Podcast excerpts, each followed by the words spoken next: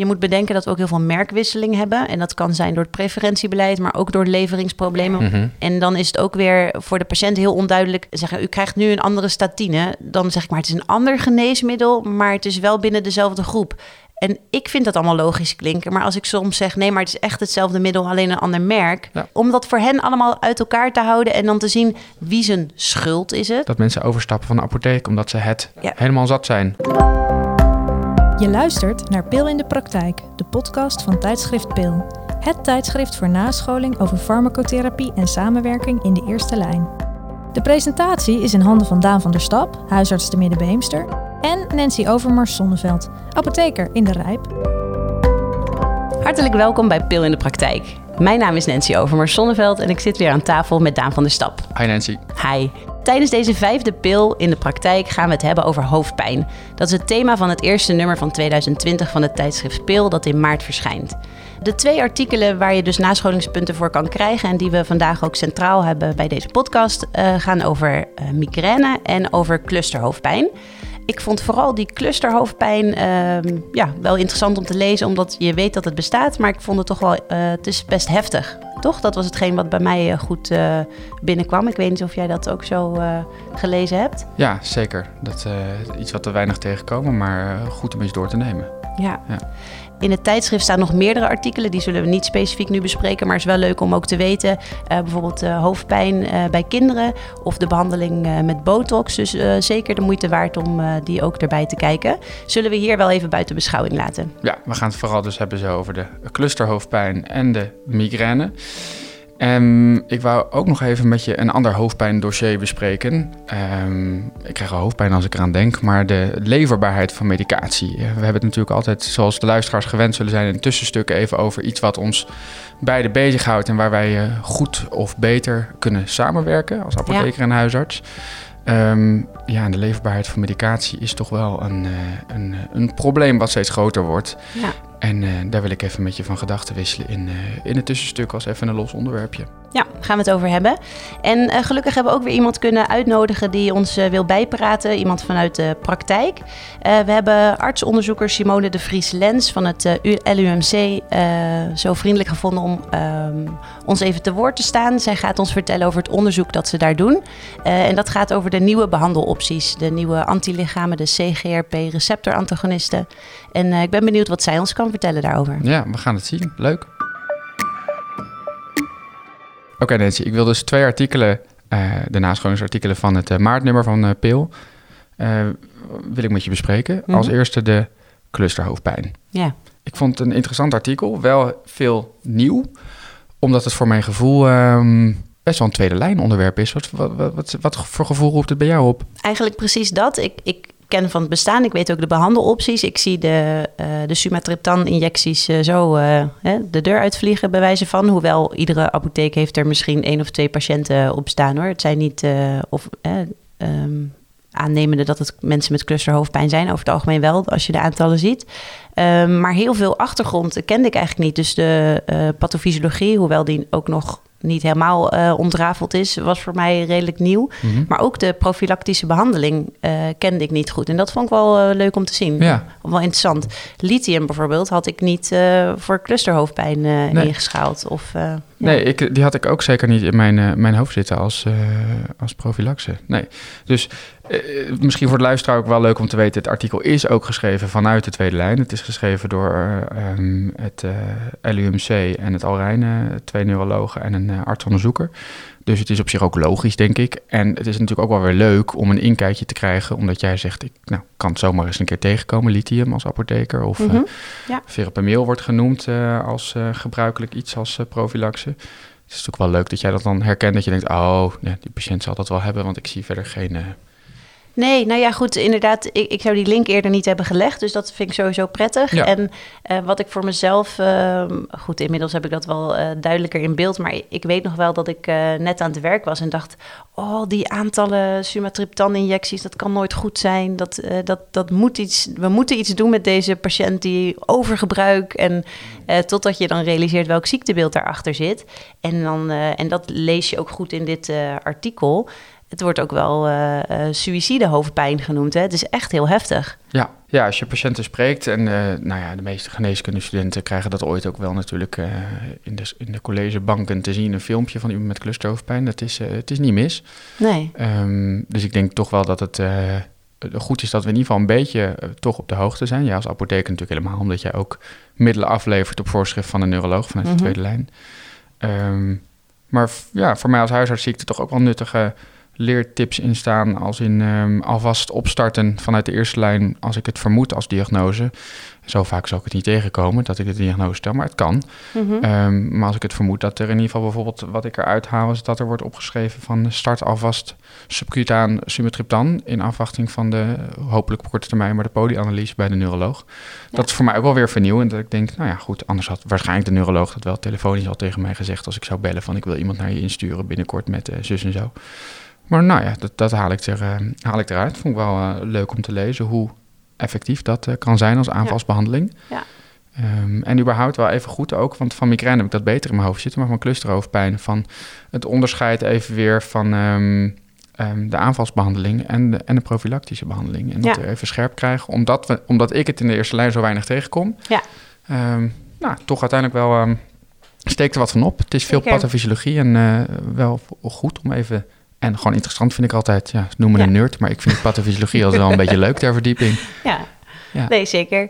En wat ik, uh, ik vertelde je net stiekem al even dat ik uh, niet goed uh, had geweten dat clusterhoofdpijn zijn naam dankt aan het feit dat het in clusters voorkomt. Maar je hebt dus blijkbaar ook weer chronische clusterhoofdpijn. Dus dat spreekt elkaar een beetje tegen. Dat uh, pleit mij misschien weer een beetje vrij. Maar ja, Ja, dat is ook weer leerzaam, ja. toch? Ja, absoluut. Ehm, ja, ik denk dat het voor de luisteraar vooral verder belangrijk is, zou ik zeggen, om uh, dit artikel zelf te lezen. Want we kunnen natuurlijk over allemaal receptoren gaan zitten kletsen. En dan is de luisteraar ons denk ik snel kwijt.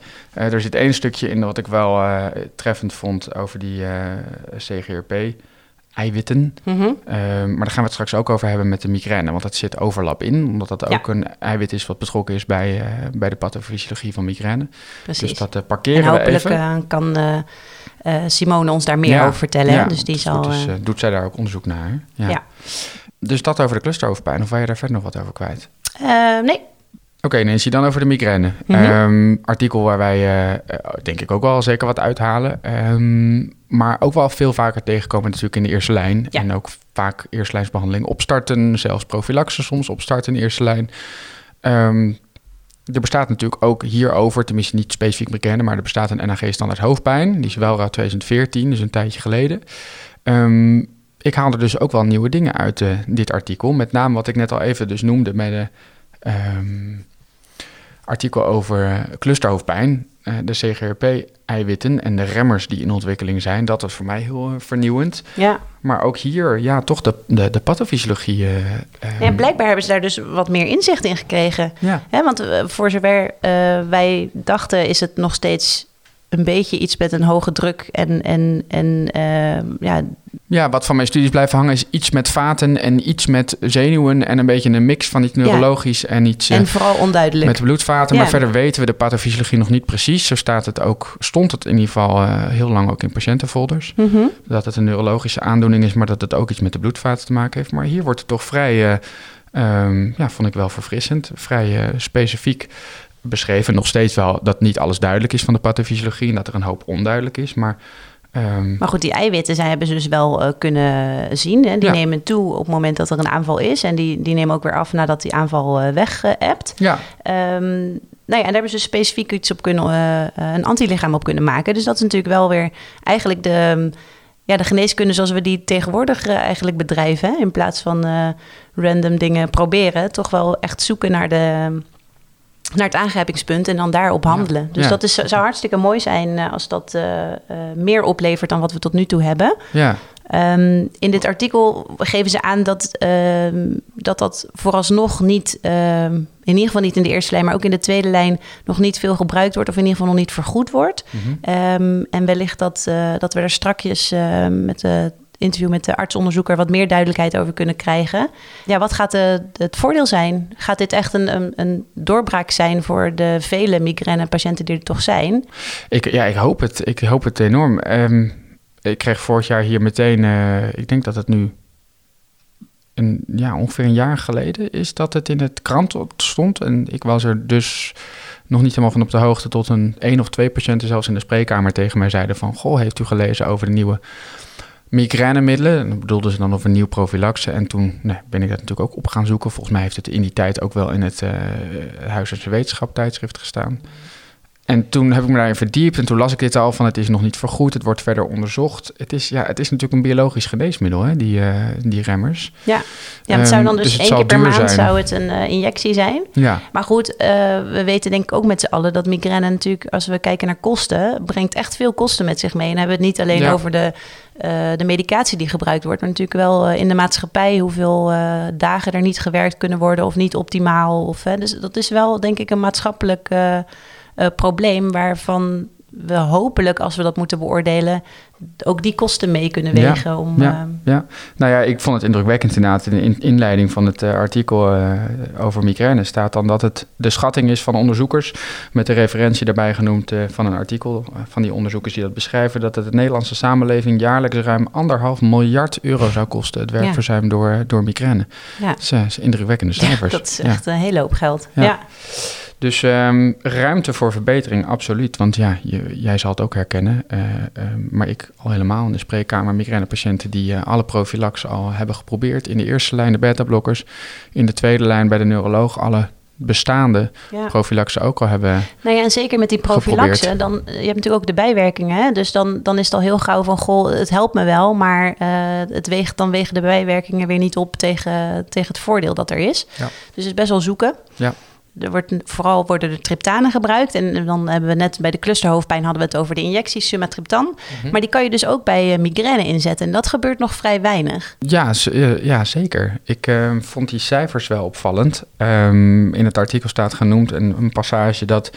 En dan, dan lees ik hem even voor. Gemiddeld 60% van de patiënten ervaart twee uur na orale toediening van triptane pijnvermindering. Dus 60% na twee uur.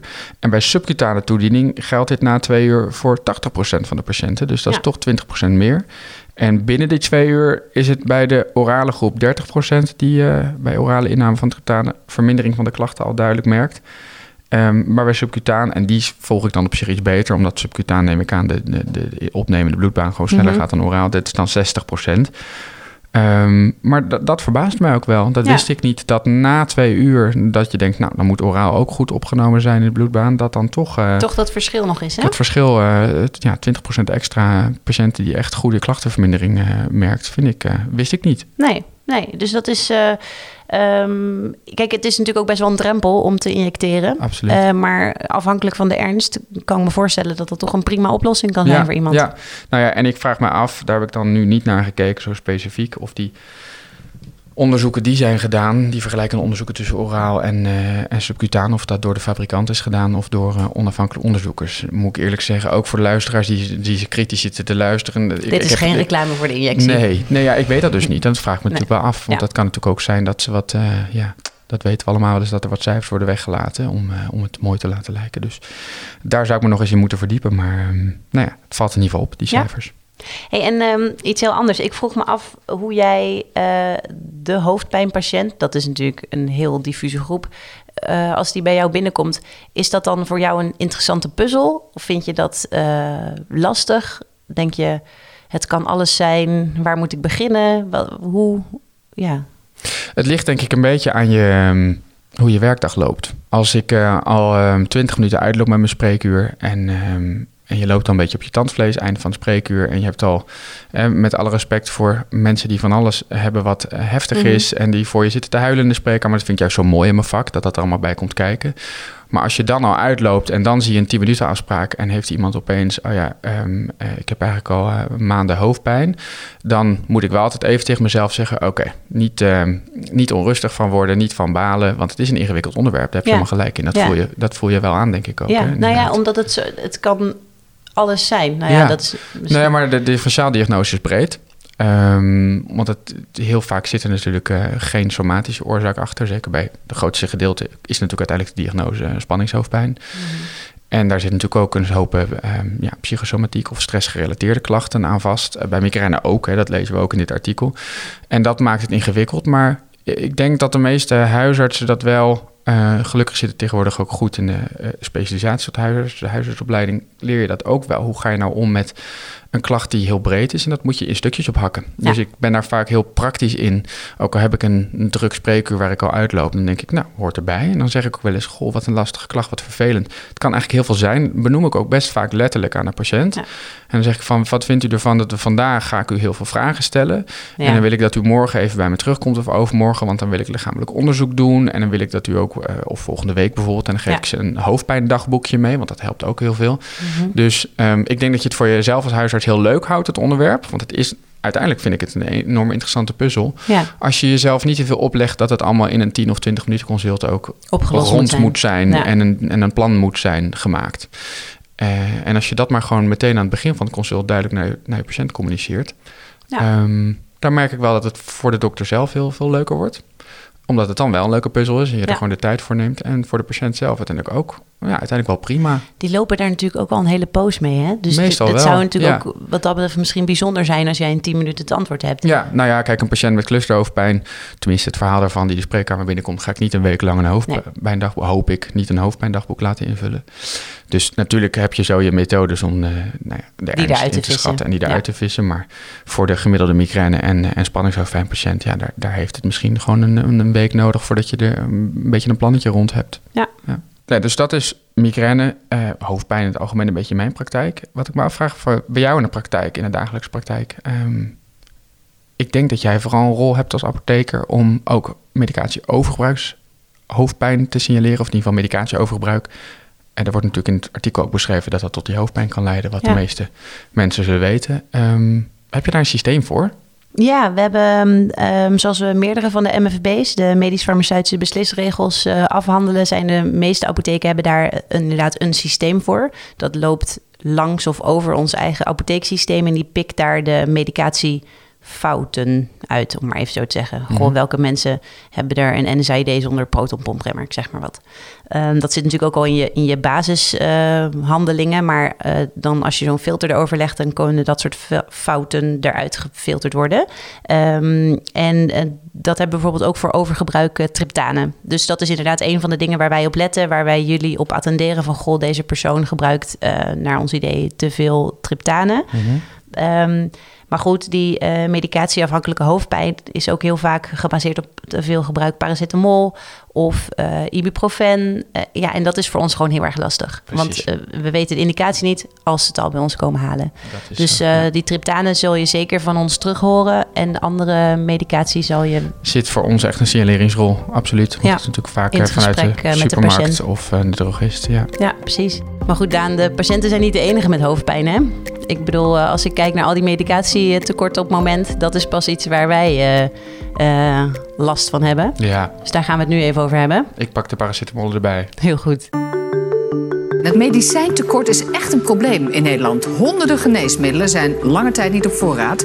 En het eind van het tekort is nog niet in zicht.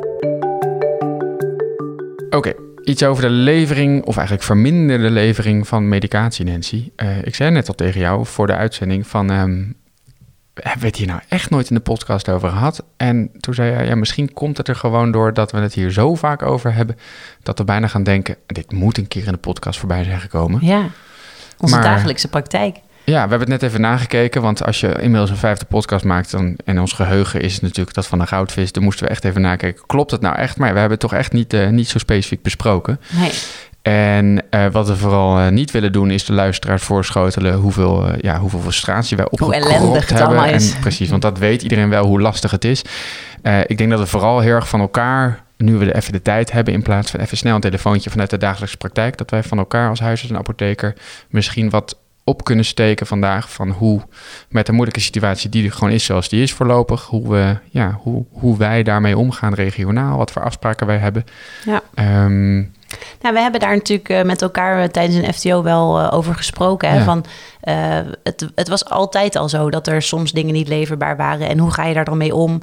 Ten eerste, wie bepaalt het alternatief? Hoe communiceer je dat naar de patiënt?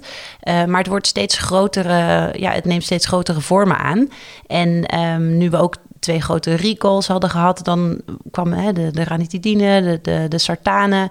Dan, ja, dan, dan moet je gewoon, dan kan je niet meer individueel gaan overleggen over een alternatief. En dan moet je dat structureler aanpakken. Ja. Eh, en het, het zou me verbazen als mensen, als artsen en apothekers dat niet al opgepakt hebben met elkaar. Ehm, maar ja, je, je, je kan niet meer ad hoc dingen regelen. Want ik ben niet de meest gestructureerde persoon. Eh, maar zelfs ik heb hier dus nu maar een protocol voor gemaakt. Ja, ja, Heb ik overal aan gedacht. ja, ja. Ja, Want wij hebben nu afgesproken eh, met elkaar bij de FTO dan dat jij per grote groep middelen, zoals de nifedipine afgelopen jaar, de ranitidine, dat jij per geval dat er een middel niet leverbaar is, met één van de huisartsen uit onze HAGO, uit onze FTO-groep, ehm, dat jij één van de huisartsen aanschiet, die dan voor de rest van de HAGO, voor de FTO-groep van de huisartsen, besluit hoe we dat bij onze regio doen. ja. En welke dat jij- werkwijze, Ja, welke per alternatieven. middel, dat jij ja. een werkwijze bedenkt of een eerste keuze alternatief middel. En dat jij dat dan rondmailt naar alle praktijken. Ehm, en dat er uiteraard altijd ruimte is voor dat één praktijk het per se toch anders wil. Maar dat we in principe elkaar Ja. hebben toegezegd dat wij dan ook voor het gemak van jou als apotheker en jouw personeel. Ja, dat alle omliggende huispraktijken hetzelfde eh, ja, beleid volgen ongeveer. Om het voor jou inderdaad overzichtelijk te maken. Want ja, de tijd die je eraan kwijt zal zijn, zal indrukwekkend zijn eh, afgelopen jaar. Ja, en dat is uh, dus wat we zeiden. We gaan hier niet uh, vertellen hoe ellendig het is. Maar het is, het is gewoon echt wel zonde als je ziet hoeveel tijd je kwijt bent aan, aan logistiek. Ja. En um, nu vertelde ik je pas dat de pantoprazol slecht leverbaar was. En wat ik het lastige vind in de meeste van die situaties is dat, uh, oké, okay, de pantoprazol is niet leverbaar, het ligt in de grondstof. Dan denk ik, nou ja, dan zal de 40 milligram was er niet, dan zal de 20 ook wel zo op zijn. Maar ja, onze eerste oplossing is natuurlijk 40 is weg. Nou, nemen we er twee van 20. Hmm. Hoe moeilijk kan het zijn? Maar je snapt ook dat dat dan twee keer zo snel opgaat. Dan zullen we wel snel moeten overstappen naar een omeprazol. Wat dan voor sommige mensen weer niet zou kunnen in verband met interacties.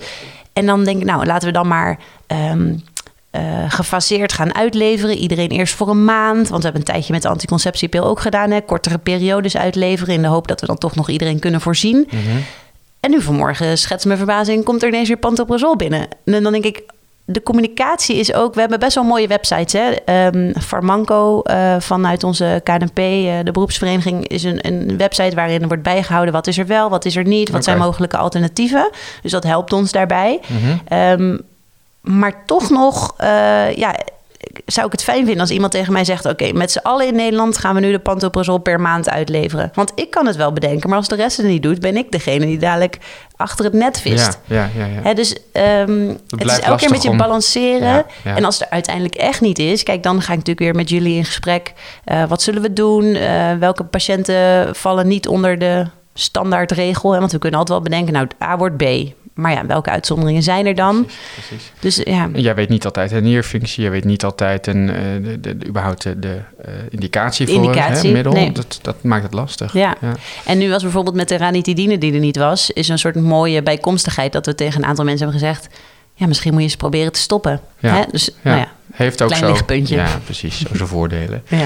Maar niet veel. Nee. Eh, en dit is allemaal natuurlijk apotheek-huisarts gerelateerd. Wat merken we aan de, aan de patiënten, vind jij? Want het heeft media-aandacht. Jij zei net al, uh, een paar weken geleden zat het in Tros Radar als aandachtspunt. Ja. Nou zullen de meeste artsapothekers niet groot fan zijn uh, van Tros Radar, omdat er vaak dingen wat Ja. ongenuanceerd worden Zeker. gebracht. Maar Ja. het is fijn dat er media-aandacht voor is. wel. Wat, wat merkten jouw assistenten en jij zelf aan de balie van patiënten? Is, is er af en toe geschreeuw of hebben patiënten af en toe, is er wel goed bewustzijn? Er zijn. Nee, het is, het is heel lastig om. Uh, je moet bedenken dat we ook heel veel merkwisseling hebben. En dat kan zijn door het preferentiebeleid, maar ook door leveringsproblemen. Want heel vaak is, uh, lever ik ook een andere lisinopril hè, van een ander merk. Mhm. Uh, en dat is dan voor mij lijkt dat niet een omzetting, want het is gewoon een ander merk. En Maar voor de leveren patiënt wel, Voor de patiënt wel. ja. Dus Ja. um, en dan als iets anders geleverd wordt, kan het soms het preferentiebeleid zijn. Het kan niet leverbaarheid zijn. Um, er kan van alles aan de hand zijn. En dan is het ook weer voor de patiënt heel onduidelijk. Zeggen, u krijgt nu een andere statine. Dan zeg ik maar, het is een ander geneesmiddel, maar het is wel binnen dezelfde groep. En ik vind dat allemaal logisch klinken. Maar als ik soms zeg, nee, maar het is echt hetzelfde middel, alleen een ander merk. Ja. Ja. voor, om dat voor hen allemaal uit elkaar te houden en dan te zien wie zijn schuld is het. Want Ja, dat is ja. Ja, want dan heb je vast mensen die op een gegeven moment het zo zat zijn dat ze weer een ander doosje krijgen. Misschien alleen een ander uh, generiek Mhm. merk gewoon. Ehm, dat mensen overstappen van de apotheek omdat ze het helemaal zat zijn. Of Ja. gelukkig komen heel veel mensen wat bij mij in de spreekkamer, vooral oudere mensen die nog laagdrempelig naar de huisarts toe komen en gepensioneerd zijn, daar ook tijd voor hebben om regelmatig even. Nee, maar dat, dat meen ik. Mensen Mhm. die natuurlijk werken is, is lastiger. Ja. Want die moeten vrijnemen om naar de huisarts toe te komen. Ehm, maar ouderen komen vaak wel. De apotheek zei dat dit goed was. Dokter, vindt u ook? En dan heb ik soms een heel kort consult. Gelukkig combineren ze het meestal met een andere klacht. En dan hebben ze ook nog even dat vraagje. Ja. Maar ik heb- ik- ik maar heb- stappen ik mensen wel eens ze- voor je gevoel? de- omdat ze het gewoon echt niet snappen? Of dat ze... Ik bedoel, je werkt natuurlijk in een dorp. Dat is misschien allemaal net iets rustiger, vriendelijker dan een grote stadspraktijk. Mhm. Nee, ik maar denk dat het grote voordeel van onze apotheek is dat wij... eh, geen concurrent in hetzelfde dorp zit. weinig, ja. Ja. ja. En maar ehm, als je in de stad zit en je hebt vijf apotheken in een straal van eh, een kilometer, kan ik me voorstellen dat je als patiënt gaat denken, nou ik ga het ergens anders proberen. Ja. En, ehm, maar goed, die leverbaarheid, dat, dat kunnen we gelukkig wel steeds duidelijker maken. Van weet je, het is er niet. Je kan het in een andere apotheek proberen. Misschien hebben ze nog een kleine voorraad liggen, maar ook zij zullen het niet kunnen leveren. Nee. Ehm, en als mensen dat eenmaal doorhebben, dan vinden ze het nog steeds onwaarschijnlijk. Want we wonen tenslotte in Nederland. Hè? In Nederland gebeurt dit niet. En dat is natuurlijk wel eh, iets wat wij zelf ook hebben gedacht. Ja. Ehm, maar waarvan wij inmiddels wel doordrongen zijn, het gebeurt hier wel. Ja, precies. Nou ja, en wat dat betreft eh, begint het met eh, aandacht van een, een, een consumentenprogramma als Radar, wat dan eh, rugbaarheid eraan geeft, waaraan dat het in ieder geval niet aan de artsen en apothekers per se ligt. Nee. Ehm, en nu is te hopen dat ook minister Bruins, die natuurlijk een plannetje heeft opgezet, maar toch ook op overheidsniveau eh, ja, Ja, bekend de- de- gaat maken aan, aan de burger in Nederland dat we een oplossing zoeken, maar dat, het, eh, dat we zullen moeten roeien voorlopig met de riemen die we hebben. Ja, zo is het zeker. Terug naar het onderwerp hoofdpijn. We hebben het in het eerste stuk gehad over de twee nascholingsartikelen van Pil, over clusterhoofdpijn en over migraine. En we hadden al aan het eerste gedeelte van de podcast aangegeven dat we nu wat verder ingaan met een artsonderzoeker uit het LUMC. Gaan we wat verder in op de migraine en met name de nieuwe prophylaxebehandeling. Ja, dat klopt. En daarom hebben we Simone de Vries-Lens eh, nu aan de lijn. Ehm, ben je daar, Simone? Jazeker. Hoi, fijn dat je Hallo. ons eh, te woord wil staan. Ehm, om mee te beginnen, eh, kan je uitleggen welk onderzoek jij doet in het LUMC? Ehm, nou, ik onderzoek zoals gezegd inderdaad de anti-CGRP eh, receptor antilichamen. Eh, en een van de belangrijkste vragen die op nu spelen is eigenlijk eh, wie van de patiënten gaat goed reageren op deze medicatie of wie niet. Mhm. Eh, dus wie zijn dan de responders op de medicatie en kunnen we dat eigenlijk van tevoren al gaan voorspellen? Oké, Dus daar houd ik me voornamelijk mee bezig. En daar kijken we met verschillende technieken. We doen verschillende metingen, zowel voor en na de start met de medicatie. Eh, onder andere bloedafnames, vragenlijsten. Om dan uiteindelijk te kunnen kijken, nou, zijn er nou verschillen eh, tussen deze twee patiëntengroepen? Eh, en zijn er dus voorspellers voor responderschap? Ja, onder andere kijken we dus naar het trigeminofasculaire systeem. Dat is het systeem wat een belangrijke rol speelt bij migraine. ja. Ehm, dan meten we onder andere de activiteit of de prikkelbaarheid van het systeem. En dat meten we ook voor en na de start eh, met de anti-CGP-antilichamen. ja. Daarnaast om dan, dan natuurlijk nauwkeurig te kunnen bepalen voor, of, ja, hoeveel migraine een patiënt nou nog heeft, of, of ook ervoor, hebben we in het LUMC eh, digitale hoofdpijndagboeken. Mhm. En de patiënten krijgen elke dag een link in de mail met daarin eh, ja, de vragenlijst over het dagboek van de, eh, de hoofdpijn van de dag ervoor. ja. De vraag, had u gisteren hoofdpijn? En dan de migraine karakteristieken. Om zo inzichtelijk eh, te gebruik van krijgen. pijnstilling, ja, om, om, om veel eh, nauwkeuriger eigenlijk te bepalen of iemand migraine heeft. Als je natuurlijk aan iemand, een patiënt vraagt eh, hoeveel migrainedagen had u ongeveer afgelopen maand, eh heb je natuurlijk veel onnauwkeuriger dan met een eh, Ja. gedetailleerd dagboek. En wat ik hieruit opmaak is dat er dus duidelijk verschillen zijn. Dat er dus echt responders zijn en niet-responders. Of is dat niet zo zwart-wit? Het is niet helemaal zwart-wit. Als je puur kijkt naar, ja, je kan puur kijken naar het aantal migrainedagen. Mhm. Maar er zijn ook heel veel mensen die eh, geven aan nog wel, dan zie je het dagboek nog wel veel, veel migrainedagen. Maar dan geven ze aan dat de ernst van de hoofdpijn veel minder is. Of dat de aanval zelf duurt veel korter. Dat kan je niet precies uit het dagboek halen. Ehm, maar dat geven ze wel aan. Dus dan zijn ze vaak wel heel tevreden met wat het effect is van de medicatie. Maar je zie- ziet het niet zozeer in een afname in de migraine. Ja. Want eh, jullie meten dan dus op diverse punten, ofwel het aantal, ofwel eh, eh, de duur, ofwel de ernst. De, die tellen allemaal mee in jullie uitkomstmaat. En nou, in eerste instantie gaan we alleen kijken naar de migraine dagen, omdat het ook in de trial zo wordt gedaan. Dus op die manier kan je het beter vergelijken met de onderzoeken die eerder zijn gedaan. Mhm. Eh, wellicht dat we in de toekomst ook wel meer inderdaad, ja, dieper gaan kijken inderdaad, naar de andere kenmerken van de aanval inderdaad. Zoals Ja. ernst en duur. En in hoeverre staat jullie onderzoek dan in relatie tot het feit dat het hè, nog niet voor vergoeding in aanmerking komt? Is het, zijn jullie daarvoor data aan het verzamelen of is dat niet zo? Want jullie werken niet voor de farmaceut Nee, natuurlijk. we werken Nee. niet. Nee, dat klopt. We werken niet voor de farmaceut. Eh, de enige relatie die er, die er is, is dat we wel gebruik maken van die medical need programma's. Mhm. Dus zijn de programma's die de farmaceut heeft opgesteld. ehm, dat patiënten nu wel, of een selecte groep patiënten eigenlijk, nu wel toegang krijgt tot die medicatie, maar nu de vergoedingen inderdaad nog niet geregeld zijn. Nee, dus alleen binnen die Dus is- onderzoekssetting. Ja. En, en Simone, hoe zit dat? ehm, eh, want wij, wat wij in het nascholingsartikel eh, nu lezen, wat wij in deze podcast eerder eh, besproken hebben, eh, hebben we het erover dat er dus wel al medisch-wetenschappelijk bewijs is dat dus die antilichamen ehm, ehm, nou ja, echt wel een, een reductie geven ten opzichte van een placebo. Maar er is nog geen onderzoek gedaan, vergelijking van eh, die nieuwe middelen eh, eh, tot de of een, een vergelijkend onderzoek tot bijvoorbeeld de beta-blokkers, wat nu een eerste keusmiddel is, zoals prophylaxe bij migraine. Weet jij, lopen daar in Leiden of elders, weet jij, lopen daar dan ook nu onderzoeken voor? In Leiden in ieder geval niet. Niet een direct vergelijkend onderzoek. Mhm. Ehm, en in sommige landen is het inderdaad wel een verplichting eh, om zo'n onderzoek te hebben uitgevoerd. Ja, is het nieuwe medicijn echt beter dan het bestaande medicijn? Voordat er eh, tot vergoeding wordt overgegaan. Mhm. Maar in Nederland is die verplichting er niet. Ik weet niet zeker of er in elders in het land wel eh, onderzoek, zo'n vergelijkend onderzoek wordt gedaan. Maar in ieder geval in Leiden nu niet. Nee, precies.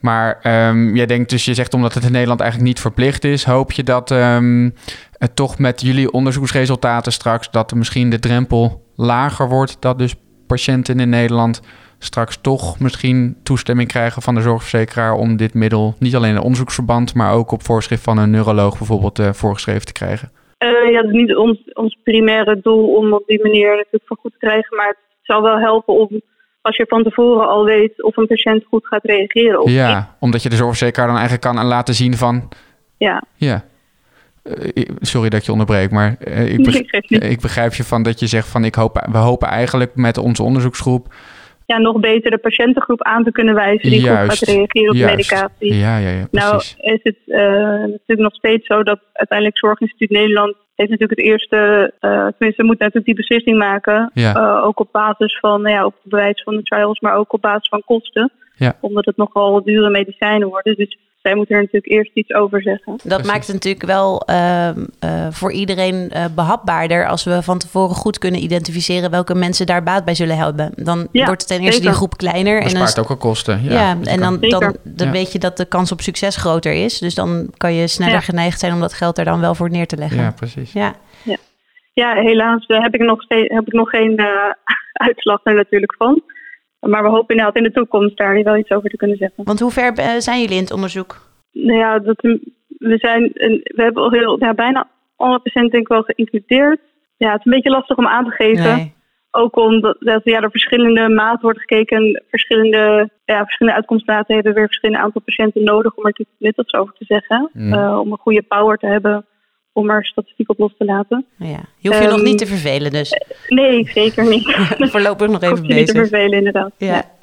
En heb je, heb je een idee wat dit... ehm, want jullie includeren alleen mensen met migraine of ook mensen met clusterhoofdpijn? Eh, ik includeer in principe nu alleen mensen met migraine. Mhm. Het is ook zo dat dit programma is er ook nog niet voor clusterhoofdpijn. Het is het medical need programma.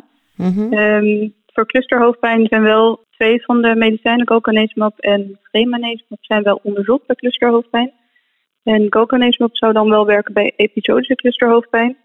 Ehm, maar de trial van clusterhoofdpijn was befaald eigenlijk. Ze hadden een primaire eindpunt niet gehaald. Oké. Eh, het lijkt me onwaarschijnlijk dat de ene wel zou werken en de ander niet. Dus het zou te maken kunnen hebben met de opzet van de trial. Oké. Ehm, maar die zijn nog net iets minder ver dan, Ja. eh, dan eh, behandeling voor de migraine eigenlijk. Het Ja. is minder ver het proces. nee, Ja. precies. Ja.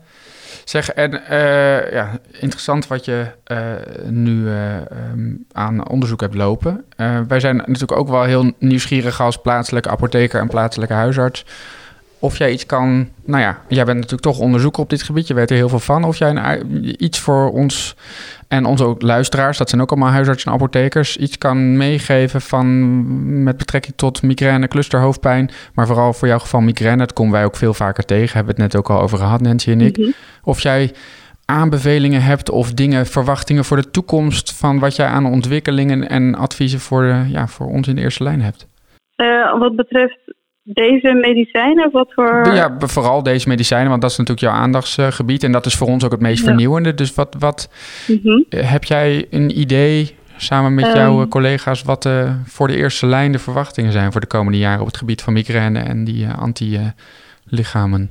Wat ik in ieder geval verwacht voor de toekomst is dat deze medicijnen inderdaad niet voor elke migrainepatiënt direct beschikbaar zal zijn. Mhm. Eh, net als wat ik eerder noemde, zullen er waarschijnlijk hoge kosten aan verbonden zijn. En ehm, ik weet natuurlijk niet precies wat het Zorginstituut Nederland gaat beslissen, maar we verwachten dat, eh, dat ze in ieder geval een aantal criteria zullen opstellen voor hoeveel migrainedagen iemand bijvoorbeeld moet hebben of welke medicijnen iemand eerder heeft moeten hebben geprobeerd. Mhm. Ik verwacht dat in ieder geval in eerste instantie dat dit dan alleen zal worden voorgeschreven in de ja, tweede lijn, en niet in de eerste lijn. Waar huisartsen in ieder geval wel op kunnen letten natuurlijk. Dat, volgens mij staat er nu in de NHG-standaard dat een beta-blokker denk ik de eerste keuze is.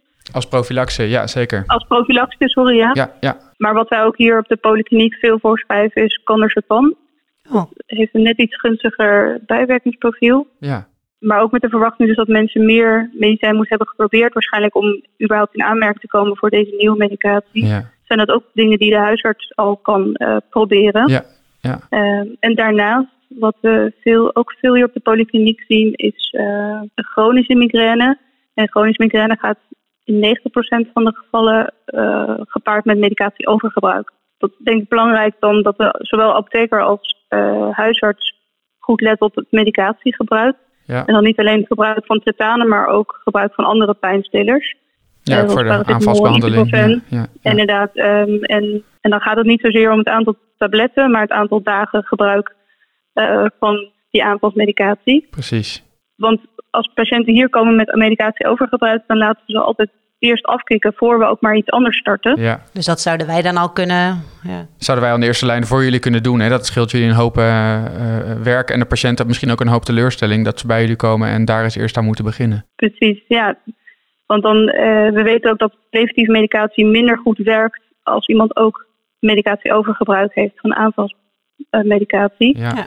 Eh, dus ja, als je dat, dan heeft het ook niet zoveel zin om een nieuwe preventieve medicatie te starten. nee, precies. Helder. Ehm, nou, daar gaan wij op letten. Overigens, ja. eh, overigens geldt dat trouwens niet voor clusterhoofdpijn. Nee. De patiënten met clusterhoofdpijn gebruiken soms wel tot acht keer per dag medicatie. Ja. Eh, en we zien eigenlijk bij deze patiëntenpopulatie nooit medicatieafhankelijke hoofdpijn. Nee, nee. Eh, dus dat is ook weer, want soms krijgen we wel eens terug van patiënten dat apothekers inderdaad dan de medicatie natuurlijk niet willen uitgeven, omdat er natuurlijk ook altijd staat maximaal twee keer per dag. Ja. Maar eigenlijk geldt dat dus niet voor clusterhoofdpijn. Ja, het is grappig dat je dat zegt, want we hebben het aan het begin van de podcast, heb ik dat nog wel even genoemd, dat ik eh, toen ik net Oh ja. begonnen was als apotheker dacht, oh, dit kan echt niet de bedoeling zijn en eh, deze Mhm. aantallen, dat kan niet. Eh, totdat je dan inderdaad wat verdiept in het onderwerp en ziet dat het eh, blijkbaar wel kan. Maar eh, leuk dat we ook eh, vanuit jou eh, toch goede praktische dingen voor in de eerste lijn eh, meekrijgen. En eh, dat we een kijkje hebben mogen nemen in, eh, ja, in de keuken onderzoek. van het LUMC Ja. hoofdpijnonderzoek. Dus Ja, ehm, eh, wij hebben in ieder geval heel veel van je geleerd al. Zijn er dingen dat jij nog, die jij nog onder de aandacht wil brengen? Nee, ik denk die laatste punten vonden we wel belangrijk eh, Ja. om te noemen. Ja. Maar nee, verder denk ik nu niet. Oké. Nou, dan houden wij het in onze achterhoofd. Zeker jouw eh, aanbevelingen. En eh, zeer bedankt voor je bijdrage. En eh, heel veel succes met je onderzoek verder. Ja, geen dank. Dankjewel. Oké. hè. Doeg. Oké, dag. Nou, leuk om weer eens uh, ook een, uh, een andere invalshoek te belichten. Hè. We, hebben vaak natuurlijk, we, nodigen vaker mensen uit om even ons uh, bij te praten over het onderwerp waar zij meer van weten dan wij. En leuk om dan nu eens een artsonderzoeker te spreken. dus ik denk goede aanvulling voor deze podcast, toch? Absoluut, ja. Ik sluit me bij je aan. Ik denk dat het mooi is dat waar wij het normaal altijd hebben over betere samenwerking binnen de eerste lijn, dat Simone ons een heel mooi inkijkje heeft gegeven in hoe we dat kunnen doortrekken naar ook mooie samenwerking met betrekking tot dit onderwerp tussen de eerste eerste en de tweede lijn. Dus uh, ja, kunnen we wat mee. denk ik. Ja, Oké, nou dat was alweer de vijfde Pil in de Praktijk podcast. Wil je reageren op deze aflevering? Dan kan dat via podcast.pil-nascholing.nl. En wil je meer informatie over tijdschrift Pil en het behalen van de nascholingspunten met het blad? Dan kan je terecht op www.pil-nascholing.nl. Dank weer voor het luisteren en hopelijk weer tot de volgende keer. Tot de volgende keer. Je luisterde naar Pil in de Praktijk, de podcast van tijdschrift Pil. Het tijdschrift voor nascholing over farmacotherapie en samenwerking in de eerste lijn. Pil verschijnt vier keer per jaar in de vorm van een papieren tijdschrift en geaccrediteerde e-learnings. Ga voor meer informatie en abonnementen naar www.pil-nascholing.nl.